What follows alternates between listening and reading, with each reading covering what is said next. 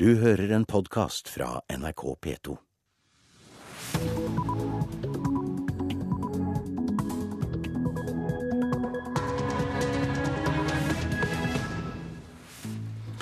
Nyhetsmorgen 27. november ønsker vi velkommen til. Her i studio Øystein Heggen. 6.30 har vi disse hovedsakene. Enighet om tysk storkoalisjon, men uravstemning i det sosialdemokratiske partiet kan stanse samarbeidet. Krigsfly fra USA har utfordret Kina i luftrommet over omstridte øyer. Bedriftsforbundet mener fagbevegelsen har for stor makt i norske havner, og har klaget saken inn for Europarådet. Vi oppdaget at man må være medlem av Norsk Transportarbeiderforbund for å få fast jobb på en hvilken som helst havn i Norge. Og det mener vi er i strid med grunnleggende menneskerettigheter. Advokat Nicolai Skarning, som representerer Bedriftsforbundet. Mangel på D-vitamin øker risikoen for beinbrudd hos eldre, viser ny undersøkelse. I Tyskland har de to største politiske partiene blitt enige om en avtale som kan gi landet en ny regjering. Det er forbundskansler Angela Merkel og hennes konservative allianse CDU-CSU og sosialdemokratiske SPD som har forhandlet for å få en storkoalisjon. This uh, unilateral action appears to be an attempt to unilaterally change the status quo in the East China Sea. USA reagerer med bekymring på at Beijing har gjort det klart at Kina vil forsvare luftrommet over de kontroversielle øyene i Øst-Kina-havet. Talskvinne for USAs utenriksdepartement, Jen Det var feil innslag, det skal vi høre om litt. Det vi skal ha nå, er innslaget om Tyskland, der CDU, CSU og Sosialdemokratene har forhandlet fram en avtale om en stor koalisjon.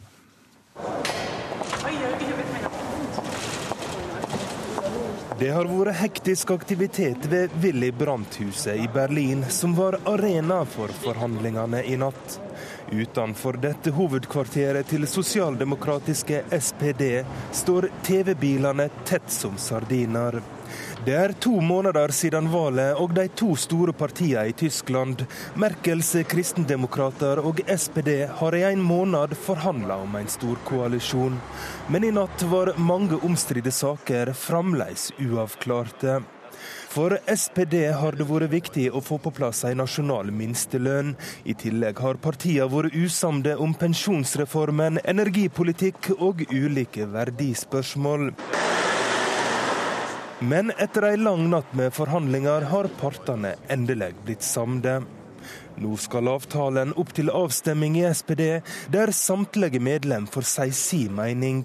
Det er uvisst hva utfallet av den avstemminga vil bli. Så reporter Roger Sørin Bruland. To amerikanske bombefly har foretatt et treningstokt over en gruppe omstridte øyer i Øst-Kina-havet uten å informere kinesiske myndigheter på forhånd. Dermed har USA utfordret Kinas nye forsvarssone i luftrommet over øyene, som Kina og Japan strides om. This uh, unilateral action appears to be an attempt to unilaterally change the status quo in the East China Sea. USA reagerer med bekymring på at Beijing har gjort det klart at Kina vil forsvare luftrommet over de kontroversielle øyene i Øst-Kina-havet. Talskvinne for USAs utenriksdepartement Jen Psaki sier at de er bekymret og ber Kina vise tilbakeholdenhet. Forholdet mellom Kina og Japan har blitt satt kraftig på prøve de siste månedene pga. øykonflikten. Kina-eksperten Kenneth Libertal var rådgiver for USAs tidligere president Bill Clinton. We wanted to use these routine flights in order to demonstrate that we were very serious han tror flyvningen er USAs måte å si fra på at de ikke godtar at Kina har opprettet en luftforsvarssone over øyene. Og Det kinesiske forsvarsdepartementet sier nå på morgenen at de har fulgt med på de amerikanske bombeflyene da de fløy over disse øyene. Reporter Ulf Tannes Fjell, og vi får mer om dette etter klokka sju. LO har altfor mye makt i norske havner, mener Bedriftsforbundet. Kravet om at alle havneansatte må være organisert i LO er urimelig, mener arbeidsgiverne.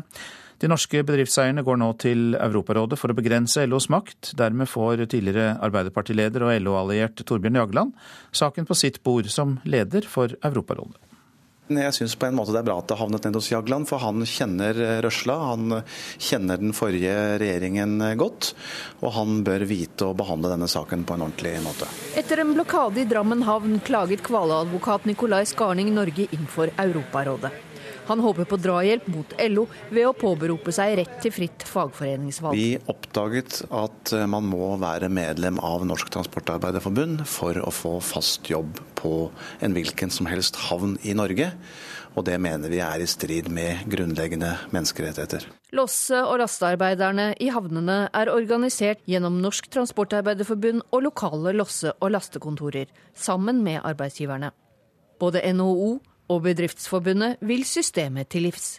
Og mye står på spill, for striden gjelder alle havner kysten rundt. Senere i dag strømmer fagbevegelsens sympatisører til Risavika terminal utenfor Stavanger. Terminalen er boikottet for lasting og lossing siden 1.11. Det går bare ikke an. Det er en ILO-konvensjon FN som har bestemt at denne skal være i alle land. Et firma i Norge nekter dette. Og så langt har Norsk Transportarbeiderforbund og leder Roger Hansen vunnet alle slag på kaiene og i rettssalene. Her står det om eh, havnearbeidernes mulighet til å kunne fortsette som havnearbeidere. Det er rundt 300 havnearbeidere i Norge som har rett til all lasting i offentlige havner. Dagens tariffavtale, som gir Transportarbeiderforbundets medlemmer stor innflytelse, hindrer effektiv drift av havnene. Det mener NHO Logistikk og Transport.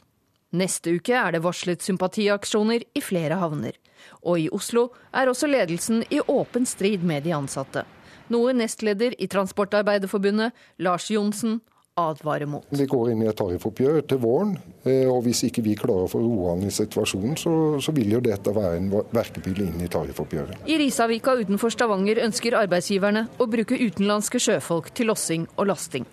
Den slags sosial dumping er selvsagt helt uakseptabel, og dermed må vi ta i bruk lovlige kampmidler, sier forbundsleder Roger Hansen i Norsk Transportarbeiderforbund. Det er viktig for oss å synliggjøre hvilken støtte vi har både nasjonalt og internasjonalt for det som vi holder på med der nede.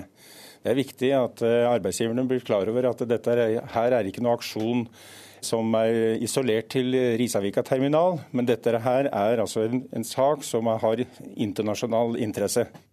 Reporter Hedvig Bjørgum, og god morgen til deg, Svein Oppegård.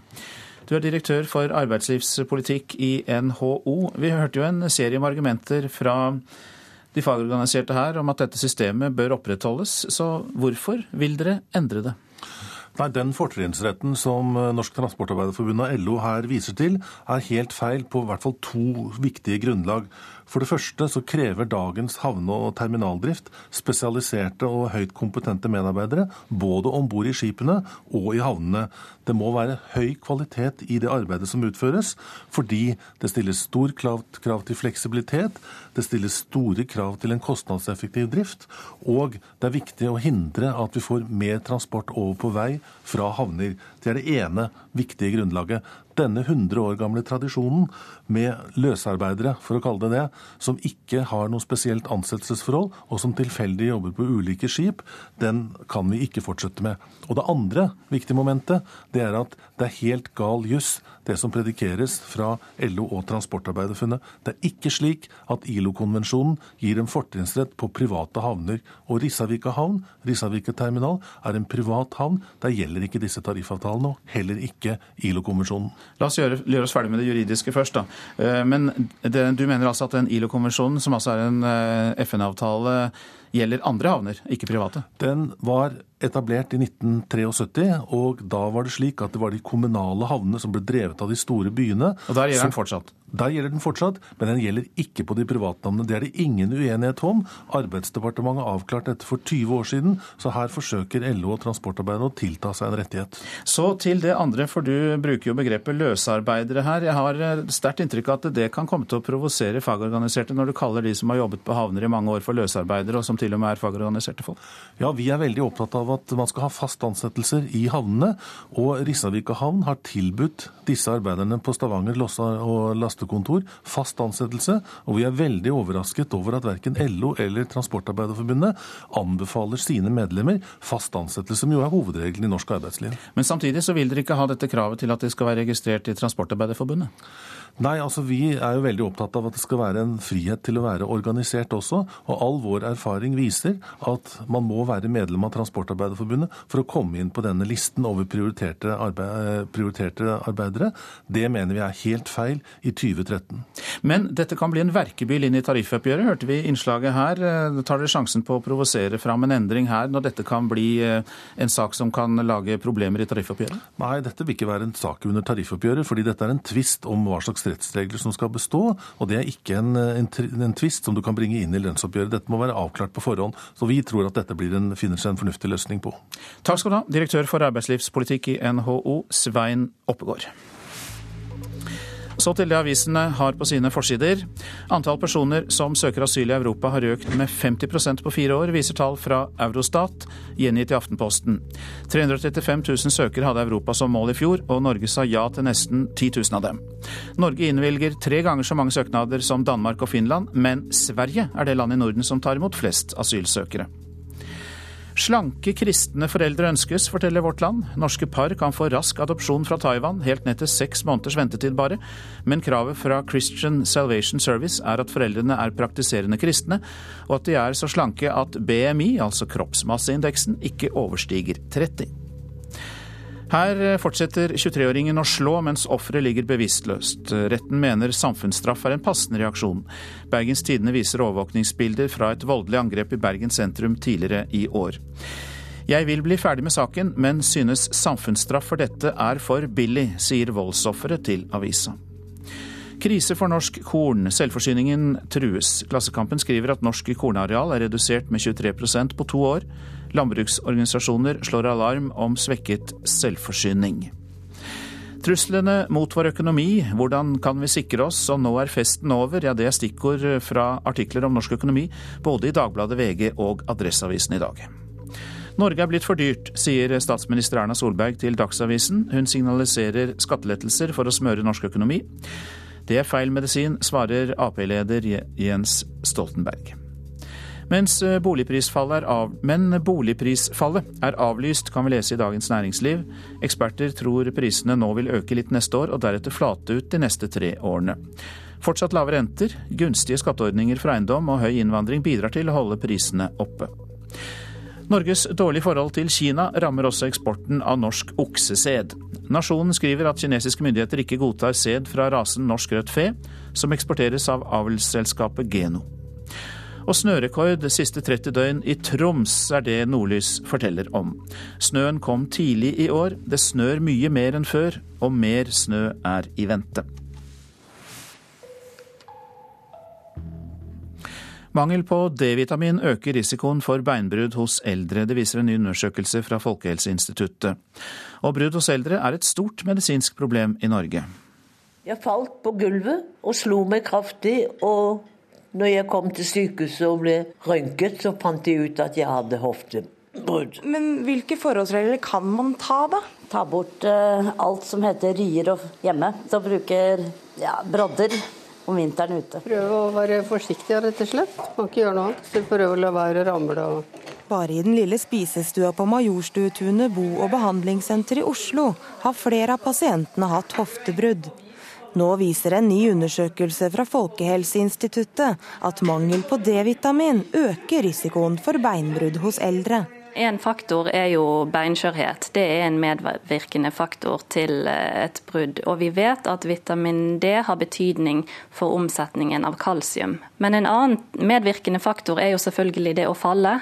Og eh, vitamin D eh, er med på å redusere risikoen for fall, fordi at det virker på muskelstyrke. Det sa Kristin Holvik, som er en av forskerne bak undersøkelsen. I Norge registreres det over 9000 hoftebrudd hvert eneste år. Norge er på verdenstoppen i forekomst av hoftebrudd. Blant eldre. Og risikoen for å brekke den øker sterkt med økende alder. Nå håper Holvik at de eldre skal bli flinkere til å få i seg vitamin D gjennom kosten. Det er veldig vanlig å ha lave vitamin D-nivåer blant eldre. Eh, de kan ha dårlig appetitt og litt lavere matinntak, og så komme seg mindre ut enn eh, andre. Jeg vil anbefale å ta tilskudd med vitamin D i vinterhalvåret spesielt. Da kan man f.eks. ta en eh, skje med tran, eller man kan ta fiskeoljekapsler. Reporter her, det var Ingrid Wilberg Arnesen. Vi bør ha minst to stykker blant topp ti. Det er målsettingen til landslagssjef Per Arne Botnan foran dagens 15 km for kvinner i skiskyting i Østersund. Det er nærmest et folkekrav at de norske gutta skal gjøre det bra fra første renn, og Botnan mener kvinnenes mål ikke bør være noe lavere. Vi bør nå være med å ha, bør ha et par, par stykker topp ti der òg, det syns jeg vi har. Like offensive er imidlertid ikke utøverne selv. Har du noe resultatmål? Nei. Jeg har ikke det. Det sier Tora Berger om dagens distanse. Et av Norges fremste OL-håp har kun ett fokus før dagens renn. Jeg håper å gjøre oppgavene mine bra, og, da, og at det er bra nok. På en måte. Synnøve Solemdal er spent på hva som venter henne i Sverige etter for mange bom under sesongåpningen på Sjusjøen. Det er lett å liksom miste fokus når en er oppi det og det koker som mest og det er mye som skjer rundt seg. Så det, det er viktig å liksom få nullstille seg og så komme tilbake til til det en har trent på hele sommeren, egentlig. Ann Kristin Flatland, som tok tredjeplassen på sprinten under sesongåpningen på Sjusjøen, er også forsiktig i å komme med en klar målsetting for Østersund. Får jeg til et godt, eh, godt løp og har fokus på det jeg skal, så tror jeg det kan bli et bra resultat. Og Tiril Eckhoff vil bare bli ferdig med det første rennet. Nei, jeg har lyst til å bli ferdig med det første skirennet, så får vi se hvor, eh, hvor det står. Reporter var Hilde Liengen, og skrur du på TV-en eller nettbrettet klokka 17.10, så kan du få med deg kvinnenes 15 km som vises på NRK1. Reporter blir det også i Her og nå på radioens program 1. Nå går klokka mot 6.47. Dette er hovedsaker. Enighet om tysk storkoalisjon, men medlemmene i Det sosialdemokratiske partiet skal si sin mening først. Krigsfly fra USA har utfordret Kinas nye forsvarssone i luftrommet over omstridte øyer i Øst-Kina-havet. Og Bedriftsforbundet mener fagbevegelsen har for stor makt i norske havner, og har klaget saken inn for Europarådet. I Italia fortsetter ankesaken mot den amerikanske studenten Amanda Knox. Hun er tidligere både dømt og frikjent for drap. Nå går den siste rettssaken mot slutten, og den italienske påtalemyndigheten mener fremdeles at hun er skyldig, og har på ny nedlagt påstand om 26 års fengsel. Er hun en hensynsløs og kaldblodig morder som drepte sin venninne i en bisarr sexlek, uten tegn til anger, slik påtalemyndigheten i Italia mener? Eller er hun the girl next door, mors beste barn, en skoleflink og billedskjønn pike med pene manerer og gode verdier, slik hun er blitt fremstilt i USA? Selv hevder hun sin uskyld. Hun hadde spart penger til et friår. Hun skulle ikke akkurat være backpacker, men hun skulle senke skuldrene og studere språk og kultur i Italia. Så ble hun rammet av noe hun ikke var forberedt på. Det kunne i grunnen skjedd hvem som helst. What happened to me hit me like a, tr a train, and there was nothing I could do to stop it. Hun hadde vært der bare en drøy måned, men hadde skaffet seg jobb på en bar, italiensk kjæreste og en leilighet som hun delte med tre andre, blant dem Meredith Ketzer, som ble funnet myrdet i leiligheten den 1. november 2007. Det var Foxy Noxy, som Amanda selv hadde kalt seg på internett, som fant henne. Men hun hadde tilbrakt natten i kjærestens leilighet, elsket og spist med ham, sett film og røkt hasj. Ja, hun var høy, innrømmet hun i et intervju med ABCs Diane Sawyer tidligere i år, men hun husker hvor hun var, hos kjæresten hele natten. You remember with clarity that you did not go out that night. You stayed in the whole night. We stayed in the whole night. Først ble hun dømt til 30 års fengsel. Etter fire års soning ble hun frikjent og løslatt. Hun dro hjem til USA dagen etter, hvilket var lurt. For italiensk høyesterett opphevet frikjennelsen, og nå er en ny runde i retten, uten Amanda til stede, i ferd med å bli avsluttet. På ny har italienerne nedlagt påstand om 30 års fengsel. De har stor tro på egen bevisføring, men husker best Amanda Knoxes overfladiske reaksjon da hun fikk vite at venninnen var myrdet. Hun spøkte og lo, kysset kjæresten og viste ingen andre følelser. Mange amerikanere har stilt seg bak og støttet Amanda Knox. Det er skrevet bøker og spilt inn filmer, det er dannet støttegrupper, og hun har figurert på lister over interessante og fascinerende personer. Hun har blitt superkjendis og fikk 25 millioner kroner i forskudd på sin biografi. Venter på å bli hørt. Så la oss lytte. Did you kill Meredith Kircher? No.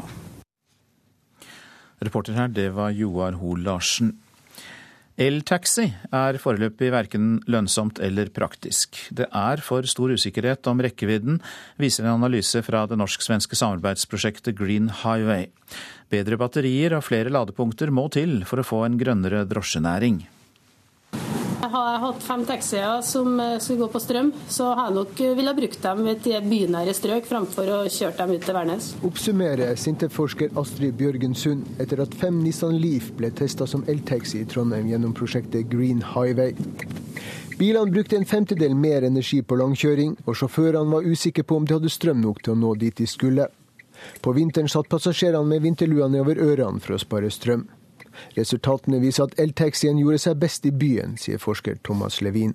Høye hastigheter kombinert med utfordrende topografi ikke var det mest gunstige. Altså I et rent energieffektivitetsperspektiv så er det bedre å kjøre på de bynære områdene, der sjåførene kan planlegge kjøringa si, for det er relativt lite trafikk, og de kan utnytte topografien. Batterikapasitet kombinert med få og kostbare ladestasjoner var også et problem for eltaxiene. Hvis du ikke på en måte har en god spredning av ladepunkt, så er det også litt vanskelig å være taxisjåfør, for da må du spørre kunden ja, hvor skal du hen? Ja, jeg skal til Byåsen. Sorry, men jeg har ikke batteri, jeg får ikke lada der. Det er ikke en heldig situasjon for en taxi. Undersøkelsen viser at det ennå er en strekning å kjøre før elbilen som drosje holder mål. Slik konkluderer leder for Green Highway-prosjektet, Bjørn Ove Bertelsen. Per i dag så er ikke taxi kjørt med Nissan Leaf økonomisk gangbart hovedsakelig pga. Av, av litt høye ladekostnader eh, og det faktum at vi skulle faktisk hatt flere hurtigladere. Ja, Det mente leder for Green Highway-prosjektet, Bjørn Ove Bertelsen. Reporter Stein Lorentzen. Staten vil plusse på 25% ekstra når private gir pengegaver til museer. Det skal inspirere flere private til å gi til kunstinnkjøp og museumsbygg. Men flere av museene tror ikke tiltaket vil lokke flere private givere. Nå går vi da inn i det aller helligste, nemlig Munch-salen. Og sånn ser det ut her. Eh, mørkeblå vegger og et lager foreløpig. Fra de fargerike veggene i Nasjonalmuseet i Oslo pakkes Munch-utstillinga ned. En stor publikumssuksess, ifølge direktør Audun Eckhoff. Som ikke hadde vært mulig uten private midler. Det har vært vanskelig for museene å skaffe sponsorer generelt, men når det gjaldt Munch-jubileet, så fikk vi etter hvert til et eh, godt samarbeid med flere private sponsorer. Noe som også er i tråd med regjeringens ønsker. Derfor har de innført gaveforsterkningsordninga, som skal få flere private til å sponse museene. Ordninga går ut på at staten gir et tillegg på inntil 25% av de private pengegavene, og dermed forsterker den opprinnelige summen. Men for at donasjonen skal forsterkes av staten, må pengene gå til kunstinnkjøp eller istandsetting av museumsanlegg. For smalt og uinteressant for sponsorene, mener Eckhoff. Vi er nok eh, litt i tvil om denne ordningen er treffsikker. For vi tror nok at eh, den burde ha et litt mer generelt siktemål. Eckhoff får støtte fra direktørene ved kunstmuseene i Bergen og Trondheim som også synes formålene er for smale. Det sponsorer er ute etter, det er jo det som gjør en synlig forskjell. At man kan vise til at det ikke går inn i det offentlige sluket. Og Da tror jeg dette med bygningsmessige formål kanskje ikke treffer så godt. Statssekretær i Kulturdepartementet, Knut Olav Åmås, har tro på at ordninga vil få flere til å gi men åpne for å utvide formålene hvis det blir nødvendig. Foreløpig vil, vil, vi spisse det til disse to formålene, nettopp fordi det er så stort behov eh, på disse områdene, og fordi gaver kan synliggjøres også hvis giverne skulle ønske det Åmås mener ansvaret ikke bare ligger hos giverne av private penger, men at også mottakerne har en jobb å gjøre. Vi har mange eksempler fra norsk kulturhistorie de siste ti årene på gaver som er blitt eh, forvalta på en eh, særdeles dårlig måte. Vi vil skape en ny kultur for å gi. Da må mottakerne være veldig profesjonelle. Reporter her, det var Åsta Hoem Hagen. Norske medier klarer ikke å gjenspeile EU og Europas betydning for norsk samfunnsutvikling. Ja, den salven kommer fra direktøren ved Norsk utenrikspolitisk institutt, Ulf Sverdrup. I en debatt på Håndverkeren i Oslo i går kveld så møtte han EU, EØS- og EU-minister Vidar Helgesen. Og Helgesen håper på sin side at hans nye ministerpost kan få norske journalister til å skrive mer om EU. Mens Europa har blitt stadig viktigere for norsk samfunnsutvikling, så er ikke det tilsvarende gjenspeila i norsk media. Det sier Ulf Sverdrup, eh, direktør på NUPI. Han står blant klirrende kaffekopper på Politeknisk forenings debatt i går kveld om norsk presses dekning av EU-spørsmål. Og god journalistikk for å forstå hvordan Norge utvikles og endres, handler om å forstå skjæringsflata mellom det norske og det internasjonale. Og det her samspillet kommer ikke godt nok frem i norsk media, syns Sverdrup, og legger skylda på både politikerne og journalistene. Fordi at norske politikere ikke deltar i EUs organer, så følger ikke journalistene norske politikere heller. Og det er en sånn negativ, en slags catch 22, eller sånn negativ spiral, fordi at politikere ikke dekker det så dekker ikke eh, journalister det. Og fordi at journalister ikke dekker, så gidder ikke politikerne å engasjere seg. Hva syns du om norsk medias dekning av EU og europapolitikk? Um, ja, jeg syns det er all right. Um, ikke særlig dyp, men um, ja. Altfor dårlig. Jeg syns det er bra. Ja. Når man følger med i nyhetene, så syns jeg det er bra. Ja. Folk på Karl Johan i Oslo er delt i synet på medias dekning av EU-politikk. Vår nye EØS- og EU-minister Vidar Helgesen gir følgende dom. Jeg syns norske medier har en veldig god dekning av Europa, av store spørsmål i Europa.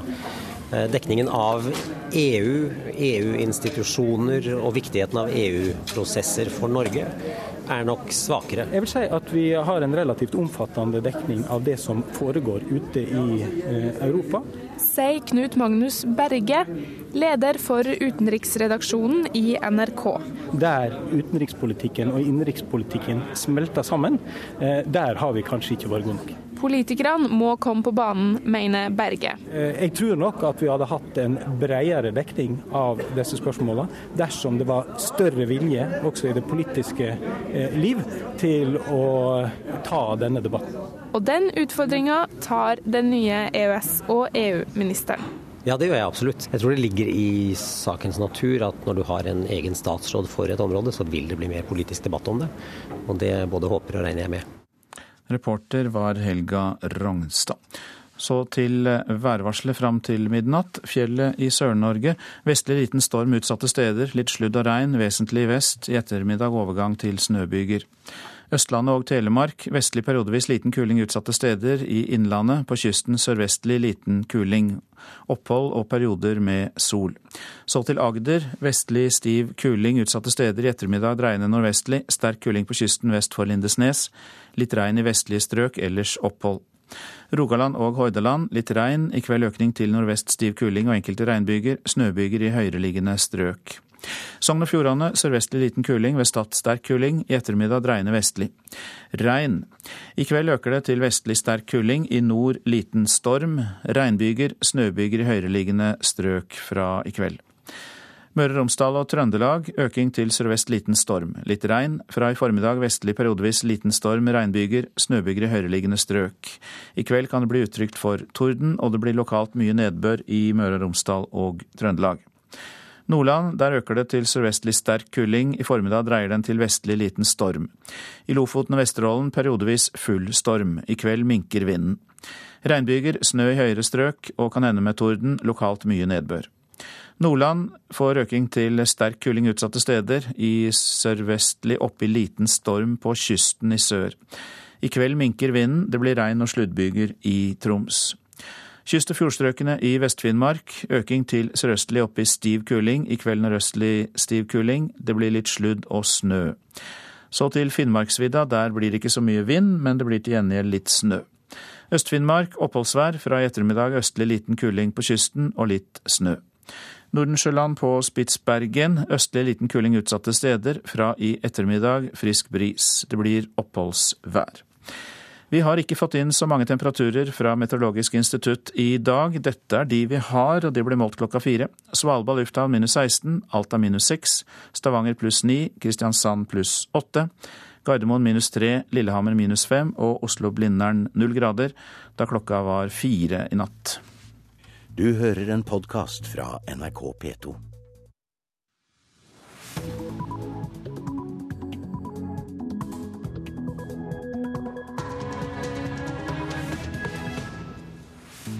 Nyhetsmorgen fortsetter med disse sakene. Politiets sikkerhetstjeneste frykter at sammenstøt mellom ekstreme grupper i Norge kan føre til en voldsspiral. Vi skal høre mer om det vi hørte i Dagsnytt, at UDI ønsker å la flyktninger som har opphold i Norge, få flytte dit de vil. Det er enighet om en plattform for storkoalisjonen i Tyskland, og krigsfly fra USA har fløyet over et omstridt område i Øst-Kina-havet. Mer om det også i denne sendingen.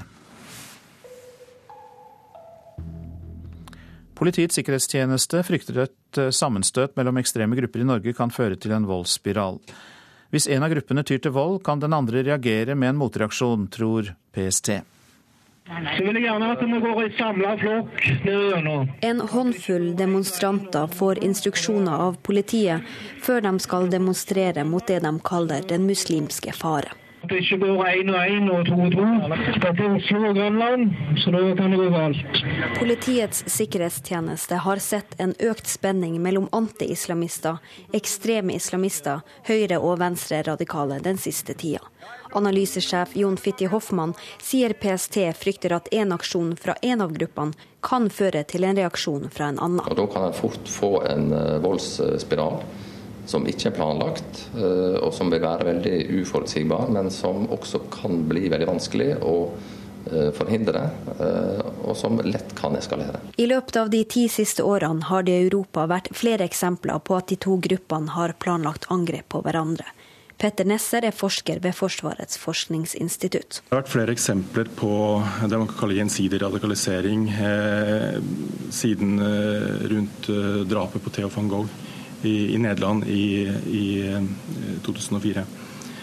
Eh, eh, det artet seg sånn at det har vært eh, angrep fra høyreekstreme eller anti-islamske krefter mot moskeer eller, eller muslimer. Og fra de siste par-tre årene så har det også vært avslørt flere terrorplott der islamister har forsøkt å angripe høyreekstreme eller anti-islamske aktivister. Analysesjefen i PST sier det har vært forsøk på provokasjoner mellom islamister og anti-islamister i Norge. Potensialet for eh, en sånn utvikling eh, er til stede i dag. Eh, og Derfor er det også veldig viktig at en jobber mer målretta for å hindre radikalisering. Sånn at en sånn utvikling forhåpentligvis kan bli redusert. Reportere her det var Kristine Svendsen, Runar Henriksen Jørstad og Eirin Årdal. Journalist og forfatter Lars Akkerhaug, god morgen til deg. God morgen. Du har skrevet bok om muslimske ekstremister i Norge. og I hvilken grad frykter du det som her ble kalt en uforutsigbar voldsspiral?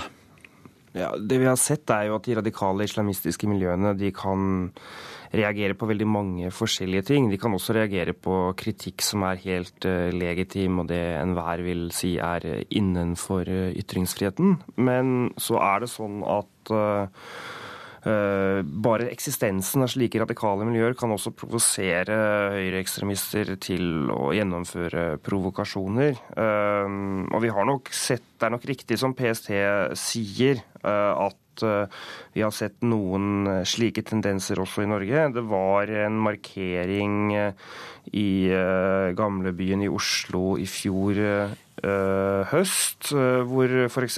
miljøet rundt Profetens Umma arrangerte en, en motmarkering. Det som nok likevel er viktigere, det er at de aller mest høyreekstreme islamhaterne og eh, disse radikale miljøene de har et ganske likt verdensbilde. De beskriver egentlig muslimer og islam eh, ganske likt. Eh, de mest høyreekstreme og de radikale islamistene de er egentlig helt enige om at ja, muslimene er her i Europa for å ta over og innføre sharialover og utbre et kalifat. Og det i seg selv kan være med på å forsterke disse miljøene. Ja, så de er, eh, de er absurd nok eh, enige om eh, at det er en plan med å overta Europa. Og det mener du kan bidra til denne voldsspiralen, at de kan stå opp mot hverandre? Ja, det kan i hvert fall bidra til at, uh, se, at man bekrefter hverandres selvbilder. Uh, at Eh, når du har eh, høyreekstreme islamhatere på den ene siden som sier at alle muslimer her i Europa er her for å ta over og, og styre etter sharialover, og så får du grupper som profetens Umma som sier at ja, vi er her for, eh, fordi vi vil innføre sharia, vi vil ha sharia på Grønland eller vi vil ha sharia i Norge, så bekrefter det. Bare denne eksistensen kan, kan i hvert fall bidra til at slike grupper vokser. Når det er sagt, så har jo ikke disse miljøene, eh, verken de, de høyreekstreme islamhaterne eller de radikale islamistmiljøene, um, vært voldelige i den forstand at de har kastet seg ut i gatekamper eller lignende. Her i Norge er jo det noe vi mer kjenner fra de tradisjonelle høyreekstreme og venstreekstreme gruppene. Hva må gjøres for å forhindre det fortsatt, da, at det ikke skjer? Nei, Det er et vanskelig uh, spørsmål. Uh, man må ta tak i uh, radikalisering før det skjer. Det er, det, er, vanskelig. Disse gruppene, når, de først, når, det først er slik at disse gruppene er her, så, så, så, kommer, dette, så kommer, nok denne dynamikken til å, til å, fortsette. Skal man stanse der sånn, så må man gripe tak i folk tidlig, før de havner ute på galeien, så å si. Ja, for det er vanskelig å vri den retorikken bort når de først har eh, utviklet den og fått den som et eh, mål for sitt arbeid? Ja, i hvert fall Faren med de er jo at de som er i de radikale islamistmiljøene, de føler seg på en måte utstøtt av samfunnet. Det er jo ikke bare eh, høyreekstreme de reagerer på. De er jo like sinte på oss journalister, de er sinte på PST, de er sinte på samfunnet. Og de føler hele tiden en bekreftelse av at noen egentlig er ute etter å ta dem.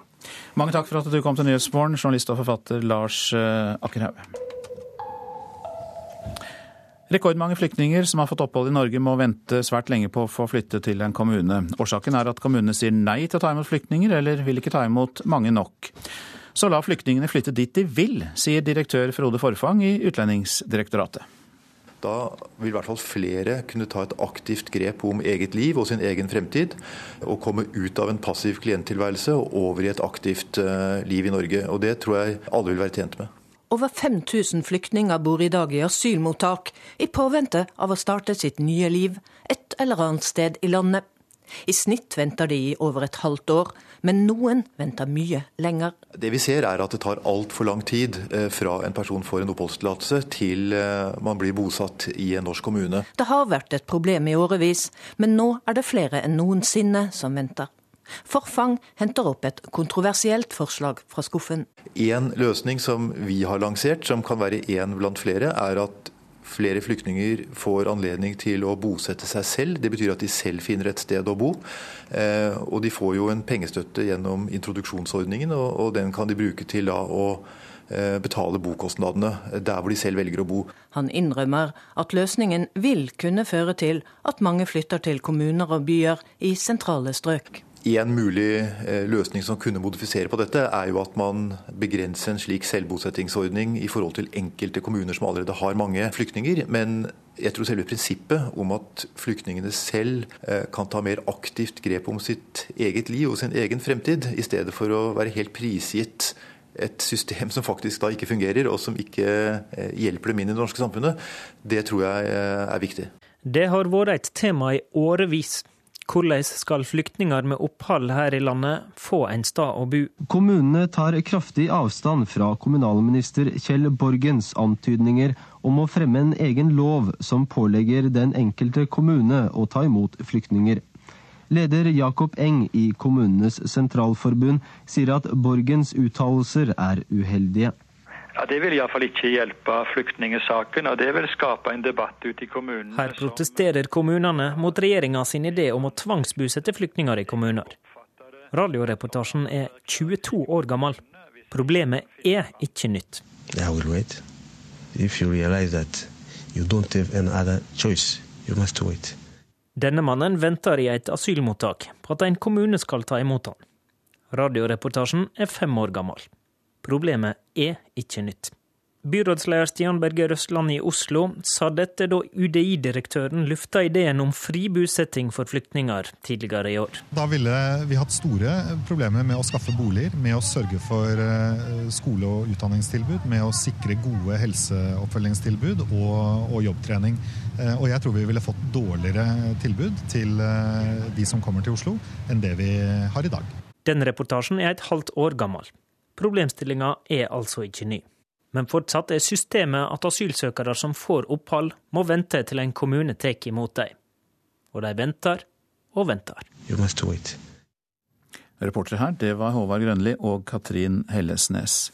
Og dagens ordning for bosetting av flyktninger fungerer ikke godt nok. Det mener byrådsleder i Bergen, Ragnhild Stolt-Nielsen fra Høyre. Og hun er åpen for et systemskifte på dette området.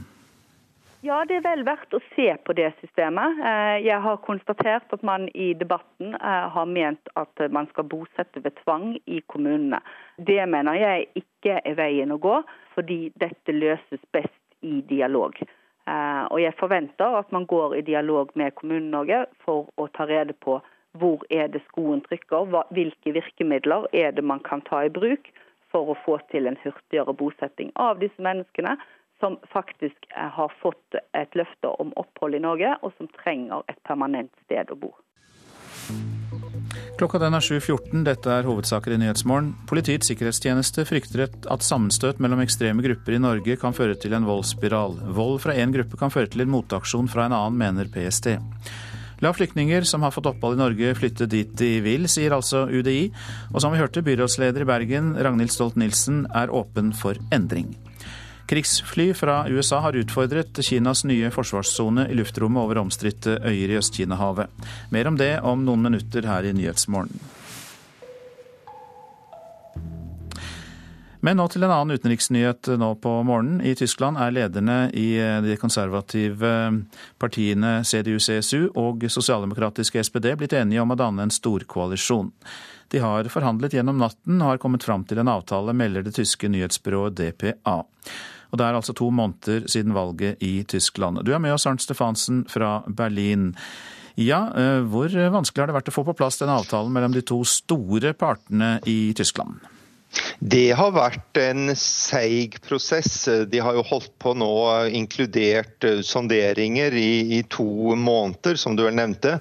Um, og det har vært Eh, veldig uklart når de eh, skulle komme i mål. Man har begynt å snakke om at det kanskje ville bli inn i jula før de eh, ville bli enige. Og så sent som for en uke siden så snakket man om at det var 100 utestående stridsspørsmål som måtte løses. Men Angela Merkel har tatt et veldig klart grep nå de siste dagene. Satt en dato, annonsert en pressekonferanse som skal skje nå klokka tolv etter planen, og sagt at nå må vi jaggu meg bli ferdig, fordi at Tyskland har vært uten en handlekraftig regjering altfor lenge. Men Arnst Fansen, det er likevel ikke helt på plass, for det er noen som skal si sin mening? Du, Dette er helt riktig, og det er jo det som kan uh, virkelig bringe denne prosessen inn i et, et politisk sirkus. Uh, eh, SPD har altså lovt sine medlemmer at uh, det skal uravstemmes blant de 475 000 medlemmene i partiet om denne avtalen. Det betyr altså at et parti som fikk ca. 25% av stemmene ved valget den 22.9, skal skal avgjøre om det blir en slik eh, regjering, som jo er veldig viktig for Tyskland og veldig viktig for Europa. Og Det er det veldig mange som har kritisert SPD-ledelsen for. Og det er slett ikke sikkert at SPDs medlemmer vil si ja, fordi det er mange som mener at det er en dårlig løsning for partiet å skulle gå inn i en slik eh, regjering med et mektig CDU og en mektig eh, Angela Merkel, som jo vant en klar valgseier seier ved valget i september. Men hvis de da sier nei, så er vel ikke heller en mindretallsregjering fra Merkels side noe alternativ? Det er absolutt ikke noe alternativ. Eh, der har tyskerne en veldig klar tradisjon på at de skal ha et eh, flertall av de folkevalgte bak enhver regjering. Det er vel en, en arv fra, uh, fra, autoritære tider i Tyskland. Man ønsker et så stort flertall som mulig av folket bak regjeringen. Slik at alternativet da, hvis SPD skulle si nei i denne folkeavstemningen, i denne uravstemningen i, i desember, så ville alternativet være å venne seg til de grønne, altså at eh, Merkel eh, forhandler med de grønne med sikte på en samlingsregjering. Og skulle det gå i vasken, så er det altså snakk om nyvalg i Tyskland til våren. Ja, Da kan det bli flere rapporter fra deg i Berlin. Hjertelig takk denne omgang, Arnt Stefansen. To amerikanske bombefly har foretatt tre, et treningstokt over en gruppe omstridte øyer i Øst-Kina-havet uten å informere kinesiske myndigheter på forhånd. Dermed har USA utfordret Kinas eh, nye forsvarssone i dette luftrommet over øyene, som Kina og Japan altså strides om. Og Derfor er du med oss nå, Asia-korrespondent Anders Magnus. Eh, hva mer vet du om det som har skjedd nå? Det amerikanerne kaller en helt eh, planlagt og normal overflyging, men eh, det er klart at når den kommer eh, så kort tid etter at kineserne egenrådig opprettet en egen luftforsvarssone over dette området, så er det et svar på det kineserne har gjort, som amerikanerne mener er helt utilbørlig, og selvfølgelig Japan og Sør-Korea også mener. Det er, eh, kineserne har ikke fysisk kontroll over disse øyene, og har ikke hatt det siden 1895.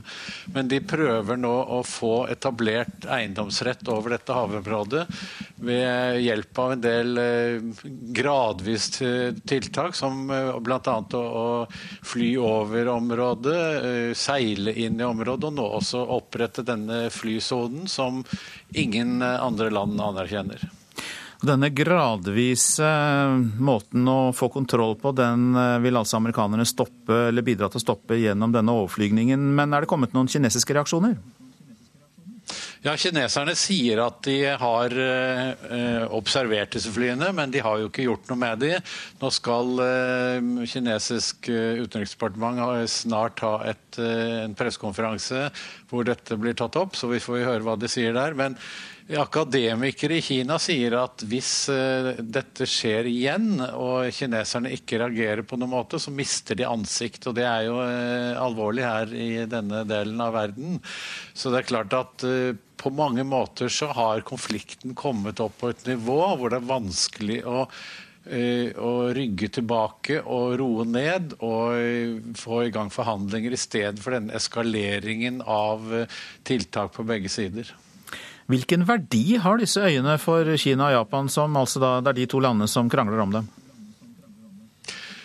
Ja, Det er jo ikke bare Kina og Japan. I tillegg så er det jo også Taiwan som gjerne vil ha sitt eh, ord med i laget her. Men okay. verdien er ikke på disse øyene. Det er, dette er bare noen eh, steinete øyer med litt gras, så det kan ikke brukes til noen ting. Verdien ligger i å ha kontroll over havområdet rundt. Her er det masse fisk. Eh, og Viktigst av alt er at under havbunnen sannsynligvis er store mengder olje og gass. Eh, det har vært en undersøkelse her i FN-regi som slo fast at eh, sannsynligvis var det store petroleumsmengder i havet. Og Det er jo det kineserne vil ha tak i, og japanerne vil beholde, så å si. Mange takk, Anders Magnus, som altså rapporterte fra Beijing. Nå til Senatet i Roma, som i dag skal stemme over et forslag om å utestenge Silvio Berlusconi fra parlamentet. En senatskomité avviser den italienske eksstatsministerens krav om hemmelig votering.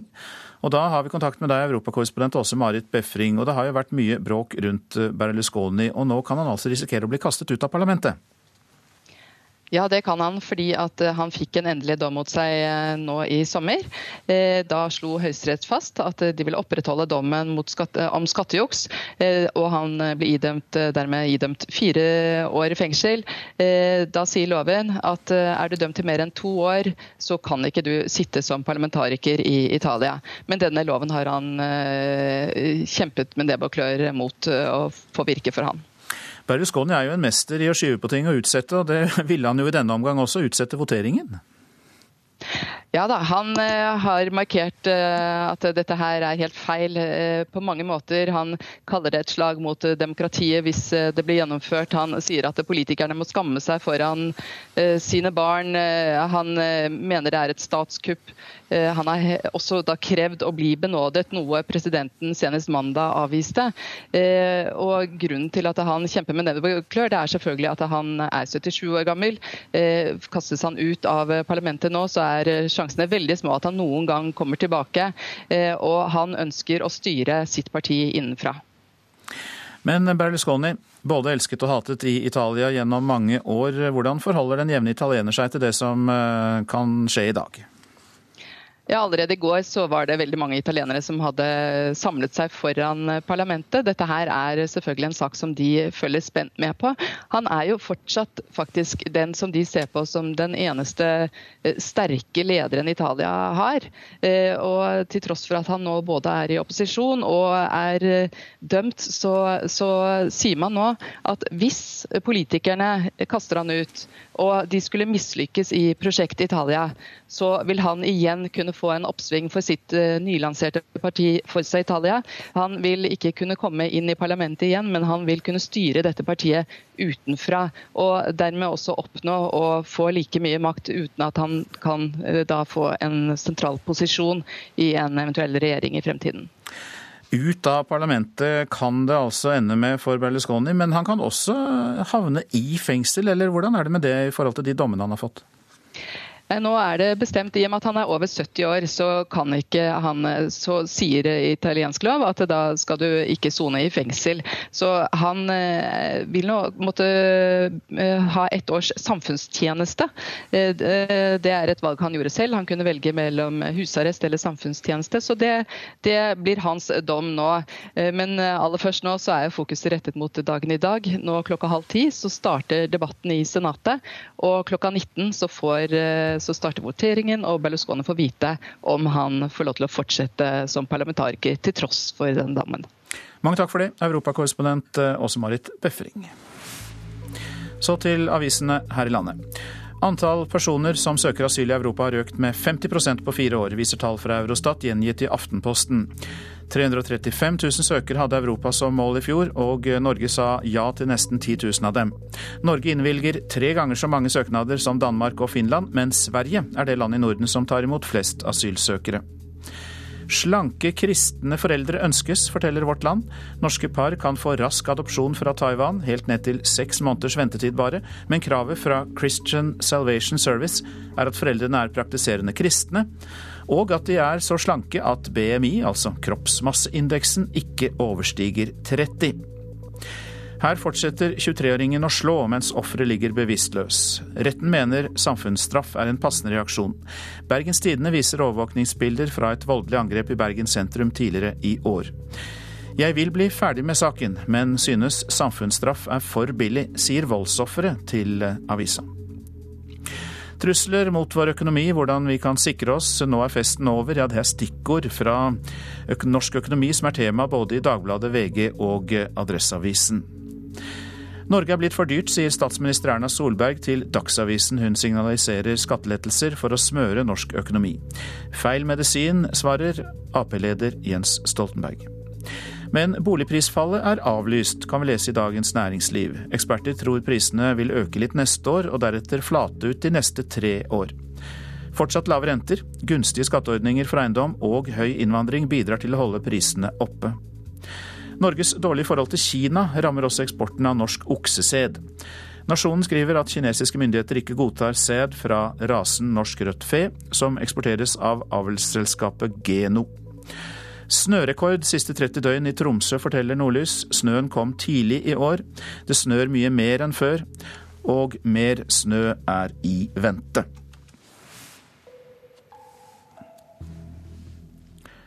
Dobbelt så mange som i fjor oppsøker Frelsesarmeen i Moss for å få mat og klær. I flere byer melder Frelsesarmeen om større pågang enn noensinne.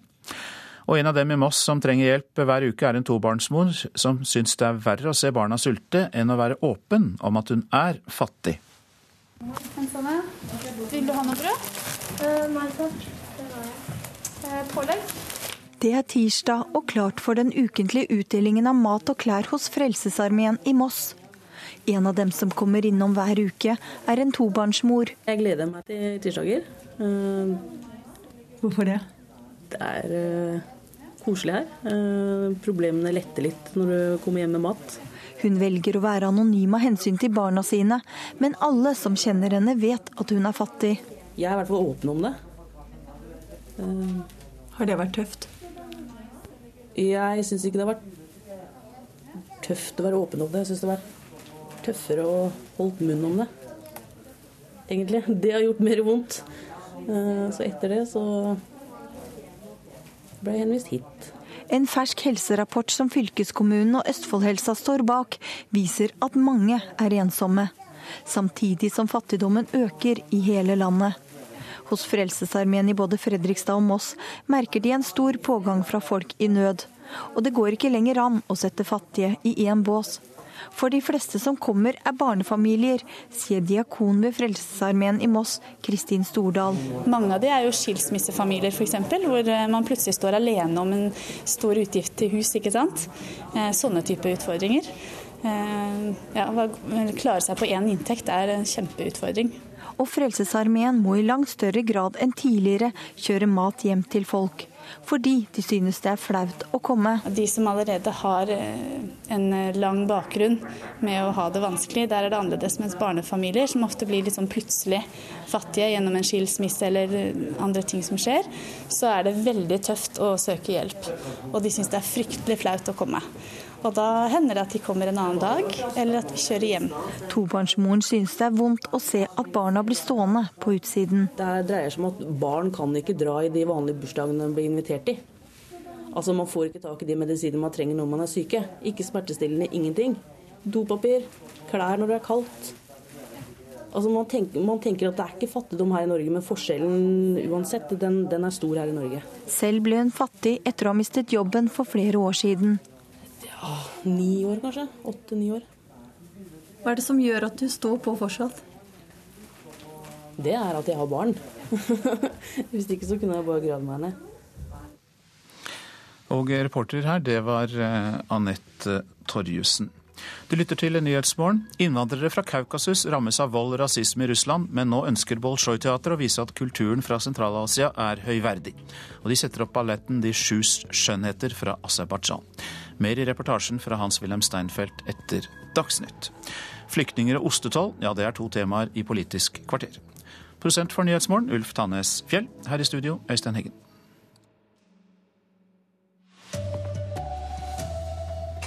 Flyktninger med opphold her i landet bør få bo i hvilken kommune de vil, mener Utlendingsdirektoratet. To måneder tok det, men nå er politikerne i Tyskland enige om å danne regjering. Og PST frykter voldsspiral mellom ekstreme grupper i Norge. Her er NRK Dagsnytt, klokken er 7.30. Ja, rekordmange flyktninger som har fått opphold i Norge, venter på å flytte til en kommune. Årsaken er at kommunene sier nei til å ta imot flyktninger, eller at de ikke vil ta imot mange nok. La flyktningene flytte dit de vil, sier direktøren i Utlendingsdirektoratet, Frode Forfang. Da vil i hvert fall flere kunne ta et aktivt grep om eget liv og sin egen fremtid, og komme ut av en passiv klienttilværelse og over i et aktivt eh, liv i Norge. Og Det tror jeg alle vil være tjent med. Over 5000 flyktninger bor i dag i asylmottak, i påvente av å starte sitt nye liv et eller annet sted i landet. I snitt venter de i over et halvt år, men noen venter mye lenger. Det vi ser er at det tar altfor lang tid eh, fra en person får en oppholdstillatelse til eh, man blir bosatt i en norsk kommune. Det har vært et problem i årevis, men nå er det flere enn noensinne som venter. Forfang henter opp et kontroversielt forslag fra skuffen. At flere flyktninger får anledning til å bosette seg selv. Det betyr at de selv finner et sted å bo. Eh, og de får jo en pengestøtte gjennom introduksjonsordningen, og den kan de bruke til å betale bokostnadene der hvor de selv velger å bo. Men fri bosetting vil gjøre at de som har fått opphold, reiser til byene, tror byrådsleder i Bergen Ragnhild Stolt-Nielsen. Jeg ser jo for meg at dersom dette slippes helt fritt, så vil nok det spesielt bli en utfordring for de store kommunene med hensyn til å kunne gi et godt nok tilbud. Bergen tar imot 350 hvert år. For at dette skal være vellykket, så er nok vi avhengig av å vite hvor mange som kommer. Eh, så Det er jo hovedutfordringen dersom vi nå skal slippe dette helt løs, og vi ikke skal vite om vi skal ta imot 350 eller 500. Hun mener flyktningene ikke vil få et godt tilbud dersom de kan bosette seg der de vil. Nei, Vi må jo planlegge norskopplæringen. Eh, vi må planlegge de kursene som er rettet inn om hvordan det norske samfunnet fungerer. Eh, vi må planlegge yrkesveiledning. Eh, alt det som mennesker som kommer til en kommune trenger å vite for å kunne bli en del av kommunen på en god måte. Reportere her, det var Håvard Grønli og Katrin Hellesnes. To måneder etter valget i Tyskland er politikerne nå enige om å danne en ny regjering. Angela Merkels kristendemokrater og sosialdemokratene er altså enige om å danne en storkoalisjon. Og reporter i Berlin, Arnt Stefansen, hva er grunnen til at de har brukt så lang tid på å få på plass en regjering? Det har vært stor uenighet om viktige saker som skatteøkning, eh, lovbestemt minstelønn, eh, bedre pensjonsordninger osv. Slik at eh, det har vært reell uenighet på, på, på, veldig mange punkter. Og det er klart disse to partiene som har gjort det veldig forskjellig ved valget. CDU ble jo vinneren, og SPD gjorde det jo veldig dårlig. De har hver på sin måte hatt et stort behov for å markere seg i disse forhandlingene, og derfor har det tatt lang tid. De har altså brukt eh, to måneder, Arnt, men det er ikke sikkert at det blir noe av likevel? Nei, det er ikke det. For SPD har eh, satset på et veldig dristig prosjekt, nemlig en uravstemning blant sine nærmere en halv million medlemmer. Eh, og Det betyr at hvis, eh, hvis basis i, i, SPD sier nei i denne avstemningen nå i desember, så faller hele regjeringsprosjektet i fisk. Ja, Hva skjer da? Da vil eh, Angela Merkel etter alt å dømme gå til De grønne, som også kan hjelpe eh, CDU-CSU til et flertall i forbundsdagen, som hun trenger. Det vil trolig starte, Slike forhandlinger vil trolig starte i januar. og Hvis det går i vasken, så eh, kan det bli snakk om nyvalg i Tyskland til våren. Alt er altså ikke på plass eh, helt eh, ennå. Takk skal du ha, reporter i Berlin, Arnt eh, Stefansen. Vi skal videre til Thailand, vi. For der marsjerer tusenvis av demonstranter igjen mot departementsbygninger i hovedstaden Bangkok.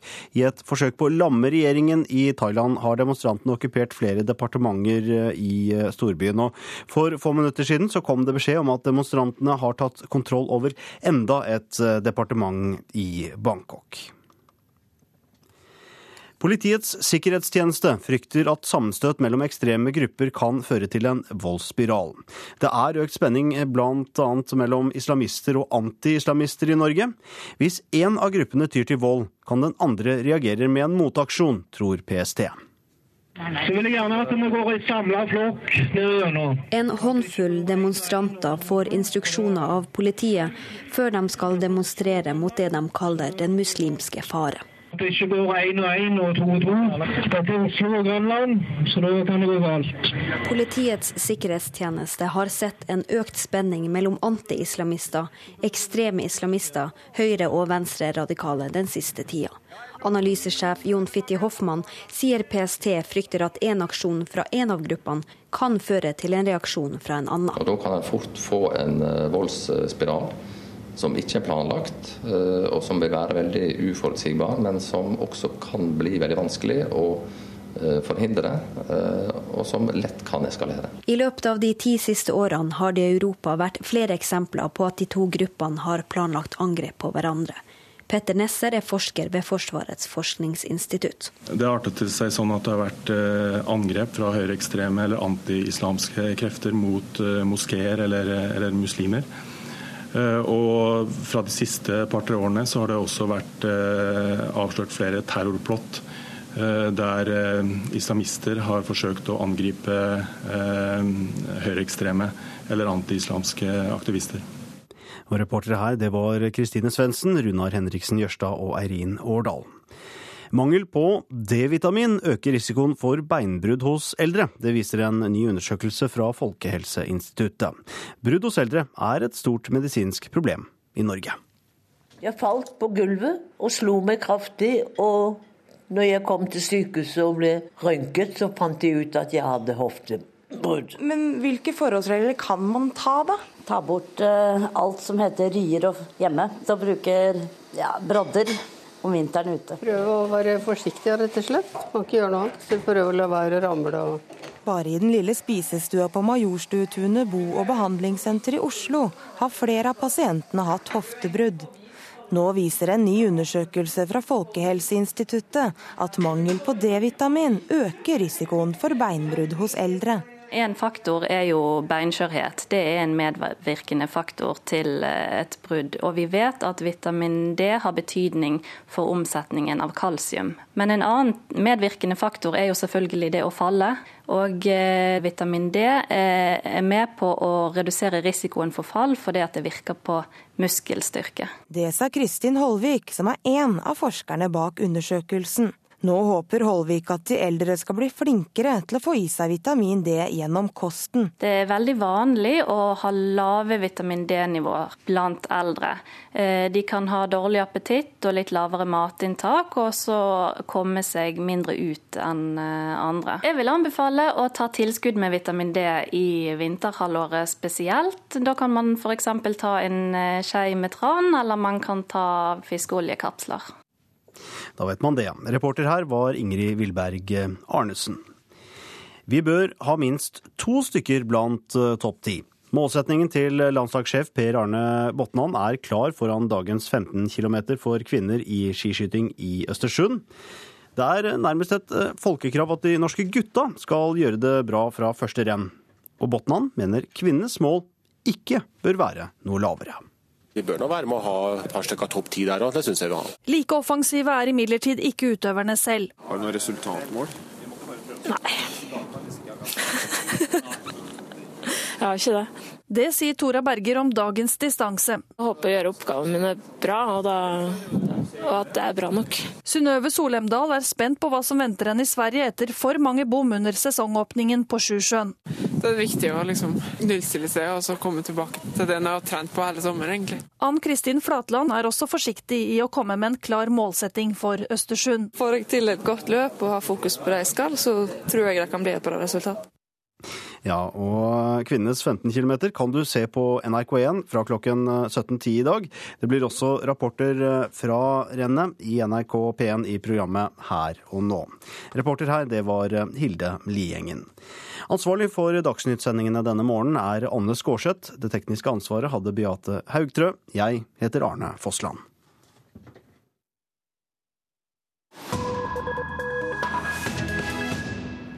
Dette er Nyhetsmorgen. Innvandrere fra Kaukasus rammes av vold og rasisme i Russland, men nå ønsker Bolsjoj-teatret å vise at kulturen fra Sentral-Asia også er høyverdig.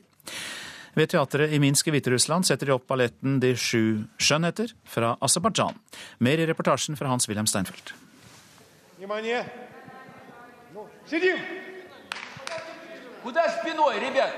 Здравствуйте, Леша. А что ты сразу в оркестр не упал? Her, folkens, hvor vender dere ryggen, roper koreografen Juri Pusakov, mens den mektige ballettsjefen Juri Trojan kjefter på solisten Losja. Han falt nesten ned i orkestergraven før repetisjonspianisten slo an strofene fra de kaukasiske høyfjell i Aserbajdsjan, musikk som i mangt kan minne om Griegs naturromantiske musikk.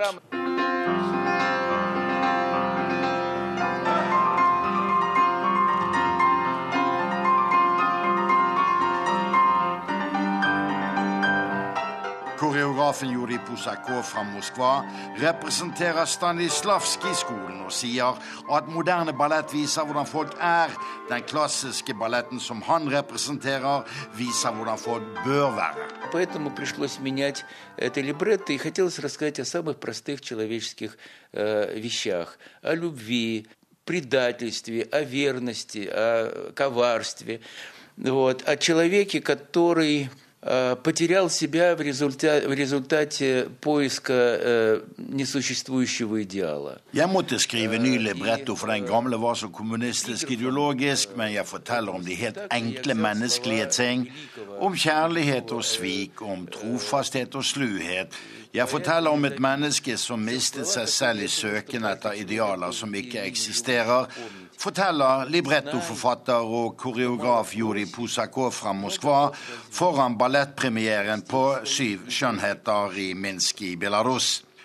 Ballettsjefen Juri Trajan ved i Minsk kommenterer behovet i en rasistisk tid for å vise f.eks. ballett fra Aserbajdsjan som høyverdig kultur, og det gjør han på denne måten. Но я считаю, что кто бы ты ни был, где бы ты ни жил, нужно жить в дружбе и строить отношения на каких-то дружеских, человеческих основаниях. Тогда будут результаты всегда. Jeg mener jo at hvor vi enn bor, så må vi prøve å leve i vennskap og bygge de mellomfolkelige relasjonene på det grunnlaget. Da får du alltid gode resultater, sier Juri Trajan, ballettsjefen i Minsk, som ikke er mindre internasjonalt berømt enn sin kollega Sergej Filin i Moskva. Han ble syreangrepet sist vinter. Så var det klart for premieren på Syv skjønnheter i Minsk. Et sagn om Shah Bahram, som hadde røvet syv vakre kvinner fra ulike land under sine erobringsferder.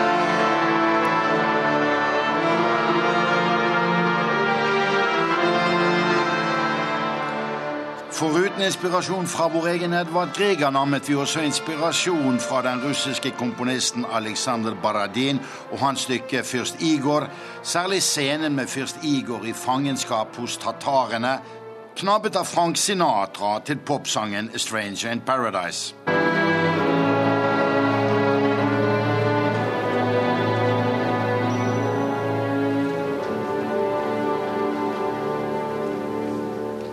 Så var det teppefall for den spesielt inviterte premierefiffen av makthavere her i Minsk. Men i autoritære Belarus kom det i hvert fall et budskap om respekt for andre raser og land fra Balsjoj-teatrets scene. Et budskap som ikke finner særlig god grobunn i Russland for tiden. Og dette er hovedsakene i Nyhetsmorgen. Flyktninger med opphold her i landet bør få bo i hvilken kommune de vil, mener Utlendingsdirektoratet. Byrådsleder i Bergen, Ragnhild Stolt-Nielsen fra Høyre, er åpen for endring.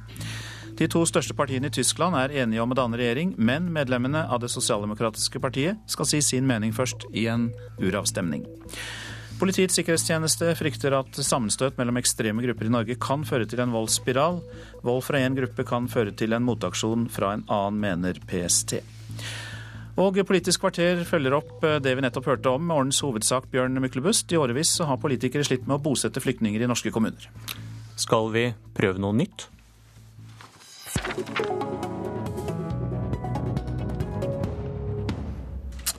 Ja, Solveig Horne, barne-, likestillings- og inkluderingsminister. Skal vi prøve noe nytt? Ja, Det er en spennende tanke som jeg skal ta med meg videre i, i arbeidet om denne utfordringen som vi nå har i, i forhold til bosetting.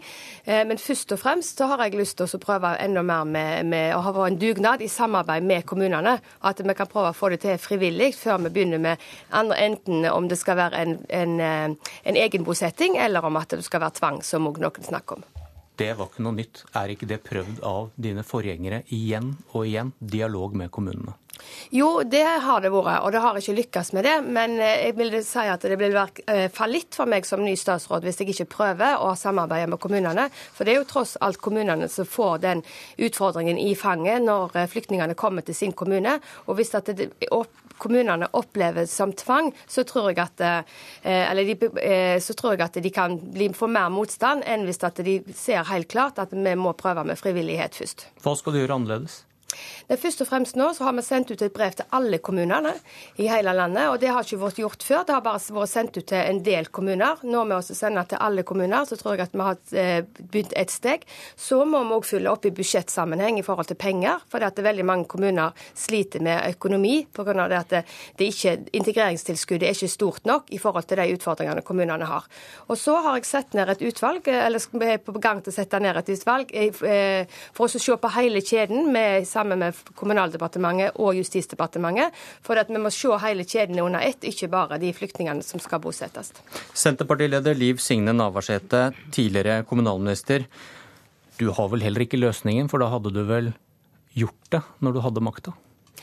Dette var en stor diskusjon eh, når vi la fram stortingsmeldingen En helhetlig integreringspolitikk i fjor. Det var en stor diskusjon eh, både i regjeringen og i Stortinget. Eh, og et av alternativene var jo der tvang, som var nevnt her i stad. Da var jo både UDI og IMDi sterkt imot det. Kommunene var sterkt imot det. KS var sterkt imot det.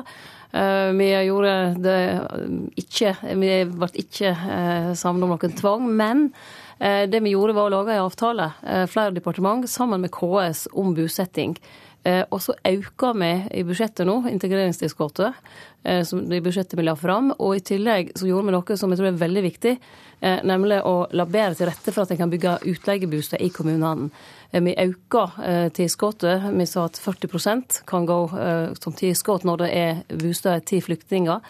Og vi auka tilskuddet både revidert og i neste års budsjett.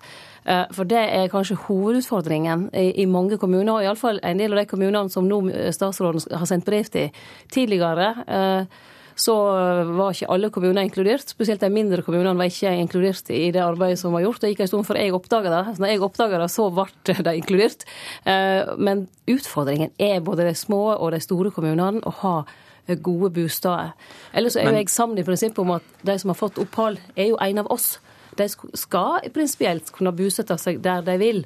Eh, men vi vet jo av erfaring at eh, kommunene må kunne legge til rette, ellers blir de ikke integrert eh, lokalt. Men jeg har et sitat fra august i år. Dersom vi ikke lykkes med frivillig bosetting, må vi vurdere om vi skal bosette folk med tvang. Og det var ja, du som sa det. Det er mitt sitat, og det mener jeg. Fordi vi kan rett og slett ikke ha denne situasjonen. Det sa jeg da jeg var statsråd, og det mener jeg fortsatt. Eh, det er uverdig eh, for landet vårt at vi har så mange mennesker sittende som, som er norske borgere, som har rett til opphold. Eh, og Derfor jobber vi intenst med dette, sammen med kommunene, for å finne løsninger. Og jeg tror en, som sagt, en viktig bit handler om å ha bostad, og så handler det om å ha god norskopplæring.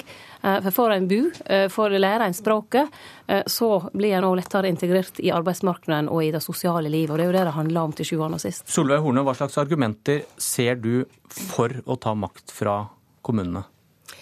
Nei, det er, altså Hvis vi skal gå inn på tvang, så er det jo for å få bosatt eh, de flyktningene som har fått opphold. Og Det er jo, altså, det er jo over flere år nå blitt en stor økning. når Vi har altså 5000 stykk som sitter i mottakene rundt omkring. Og når vi ser også det at det blir bygd nye mottak ute i kommunene for, oss, for at vi ikke klarer å bosette, så har vi kommet inn i en vond sirkel. Og jeg mener at dette skulle det vært tatt tak i mye, mye tidligere enn den situasjonen vi sitter oppi nå. Men jeg tror det at hvis vi nå som eh, regjering og storting begynner å snakke om at vi skal ha tvangsbosetting, så er jeg redd for at vi får kommunene rett i, rett i, i rekyl tilbake igjen, med at de føler seg overkjørte. Hva, hva med, med UDI-forslaget om at uh, flyktningene selv kan få velge hvor de skal bo? Ja, jeg vil si at Det er kanskje mer et spennende eh, forslag som jeg skal ta med meg, men det har òg sine utfordringer. Uh, og når vi vet at uh, Sverige har en egen bosetning i dag, der vi får opphopninger både i Stockholm, og Göteborg og, og Malmö, så er jeg redd for det at disse store byene som både Drammen, Oslo og Bergen Bergen og Stavanger og Trondheim kanskje får en opphopning. Og de har store utfordringer allerede i dag. Så jeg tror først og fremst nå så må vi spille på lag med kommunene. Vi må òg dekke opp flere av de utgiftene som kommunene har, sånn at de som har fått opp, eh, opphold, blir bosatt, og at de får starta livet sitt både med språkopplæring og arbeid. For det er det vi, vi skylder de som har fått opphold, som nå sitter i mottak. Navarsete, dere har sikkert sett til Danmark, der de tvangsbosetter. Hva er erfaringene derfra? Ikke spesielt gode. Eh, og Derfor eh, så gikk vi heller ikke inn for det. Eh, og med de rådene som, som, var, selvfølgelig, fra UDI, HIMDI, fra KS. Vi hadde god dialog med alle instanser, og ikke minst enkeltkommuner som har god erfaring med bosetting. Og vi må også huske på at det finnes gode altså mange kommuner som er veldig gode på dette. Så det er jo viktig å lytte til dem og se hva er det som er viktig å, få lagt til rette for. Og da er det først og fremst gode bosteder. Eh, og det er å ha god norskopplæring. Eh, og så er det å bygger bygge faktisk et inkluderende miljø, hvis den politiske og administrative ledelsen i kommunen er innstilt på dette. og Derfor er jo ikke tvang eh, noe godt virkemiddel, for da får en ikke den innstillingen en trenger for å, for å ta imot medmennesker. For det er da til sjuende og sist dette handler om. Medmennesker som har rett til å få bo akkurat som du og jeg. Vi får se om det blir prøvd noe nytt etter hvert. Takk for at du kom, Solveig Horne. Navarsete, du får bli. Vi har en sak til som får hjertet ditt til å slå raskt.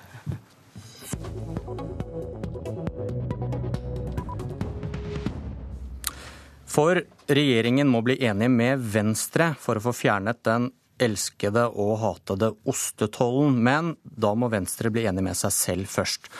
Og den jobben begynner dere på i gruppemøtet på Stortinget i dag. Pål Farstad, næringspolitisk talsmann.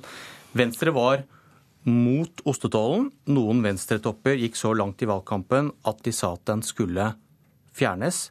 Var det noen som sa til velgerne at den ikke skulle det?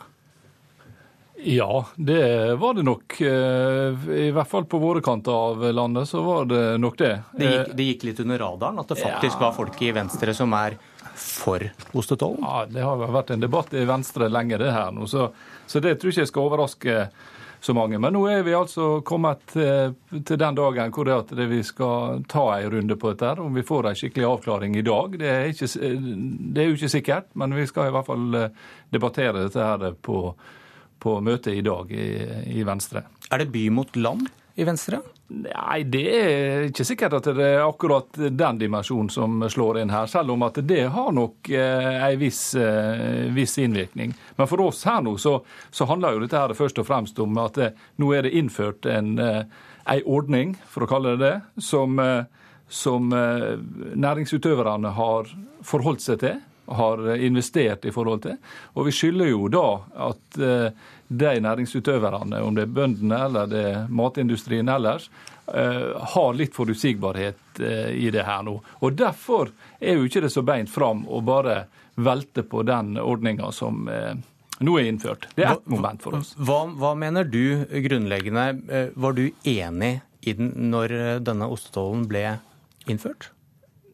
Ja, jeg, jeg, var ikke enig i at den eh, var innført, men forhold, jeg forholdt meg til det. Det er ikke noe problem å forholde seg til det når det, du har en debatt internt, og så finner man en løsning for eh, partiet. Så du kommer, du kommer uansett ikke til å kjempe for noe, noe reversering på, på møtet i dag? Nei, altså jeg, jeg, har et synspunkt som jeg, som jeg har tilkjennegitt i, i, debatten, både eksternt og internt, og det er, min, eh, det er mitt utgangspunkt. Men for meg så er det den biten der som går på forutsigbarhet for de som driver næring, som er viktig. At ikke vi, vi, vi velter rundt på noe etter et års tid, f.eks. Og så har vi dette med prosessen, som jeg også syns er, er, viktig å få frem her nå. At eh, man var litt snar i vendinga fra regjeringa her nå for å, å, dra til Brussel med ei klar melding. Det skulle vært forankra på en annen måte i eh, blant eh, annet i, i, forhold til Venstre, fra, fra regjeringa mot Venstre. Venstre sier de har god tid, men uh, ostetollens mor, Liv Signe Navarsete, det vil du gjøre noe med? Ja, eh, jeg tror ikke næringa har så god tid. Og da snakker jeg om hele verdikjeda, både for primærprodusenter og industrien, som er til sammen den nest største fastlandsindustrien vi har i Norge. Eh, som er den eneste industrien som faktisk vokste i fjor, både med antall ansatte eh, og økonomisk vekst. Um, og det står store investeringer for døra, både for primærprodusenter og industrien. Eh, det er strukturendringer som skjer, og de investeringene er jo vanskelig å gjøre når ikke en vet hva rammevilkår en har å forholde seg til. Derfor kan ikke denne saken bare bli liggende som en sånn eh, ikke-sak. og Derfor fremmer vi i år et representantforslag i Stortinget for å få avklare eh, at eh, regjeringen vil forholde seg til det som Stortinget har vedtatt, og som jeg skjønner en òg kommer til å vedta nå i forhold til neste års budsjett, nemlig at en skal ha prosenttoll på, på, visse osteslag og, og noen kjøttslag. Og Det er òg viktig å minne om at når WTO-forhandlingene i 1994 ble gjort, så sa jo komiteen veldig klart at eh, jeg siterer, i hvert enkelt tilfelle er det den tollsats som gir det høyeste tollbeløp ved innførsel som skal benyttes, altså enten kronetoll eller prosenttoll. Og Da satt faktisk eh, dagens statsminister i komiteen og var med og gjorde det vedtaket. Så vi forholder oss jo til WTO, vi forholder oss til det regelverk som er, og det skulle bare mangle at en ikke skal eh, legge til rette for at ei viktig næring med 100 000 eh, som har sitt daglige brød derifra, for å si det sånn, skal kunne utvikle seg videre i Norge. Farstad, hva blir konsekvensen av Navarsete sitt forslag om en votering i salen? Ja, for, eh, for, vår del eh, så ønsker jo vi å ta denne interne prosessen og forholde oss til de tre andre eh, samarbeidspartiene. At vi ser om vi, hva vi klarer å få til av fundament der. Og så får vi så får vi ta det eh, derifra. Jeg registrerer jo Navarsete sitt, eh, sitt forslag som ble presentert. og og, men først og fremst nå får vi avklare internt og i forhold til de tre andre partiene som vi har forpliktelser i forhold til, og så, og så tar vi det derfra.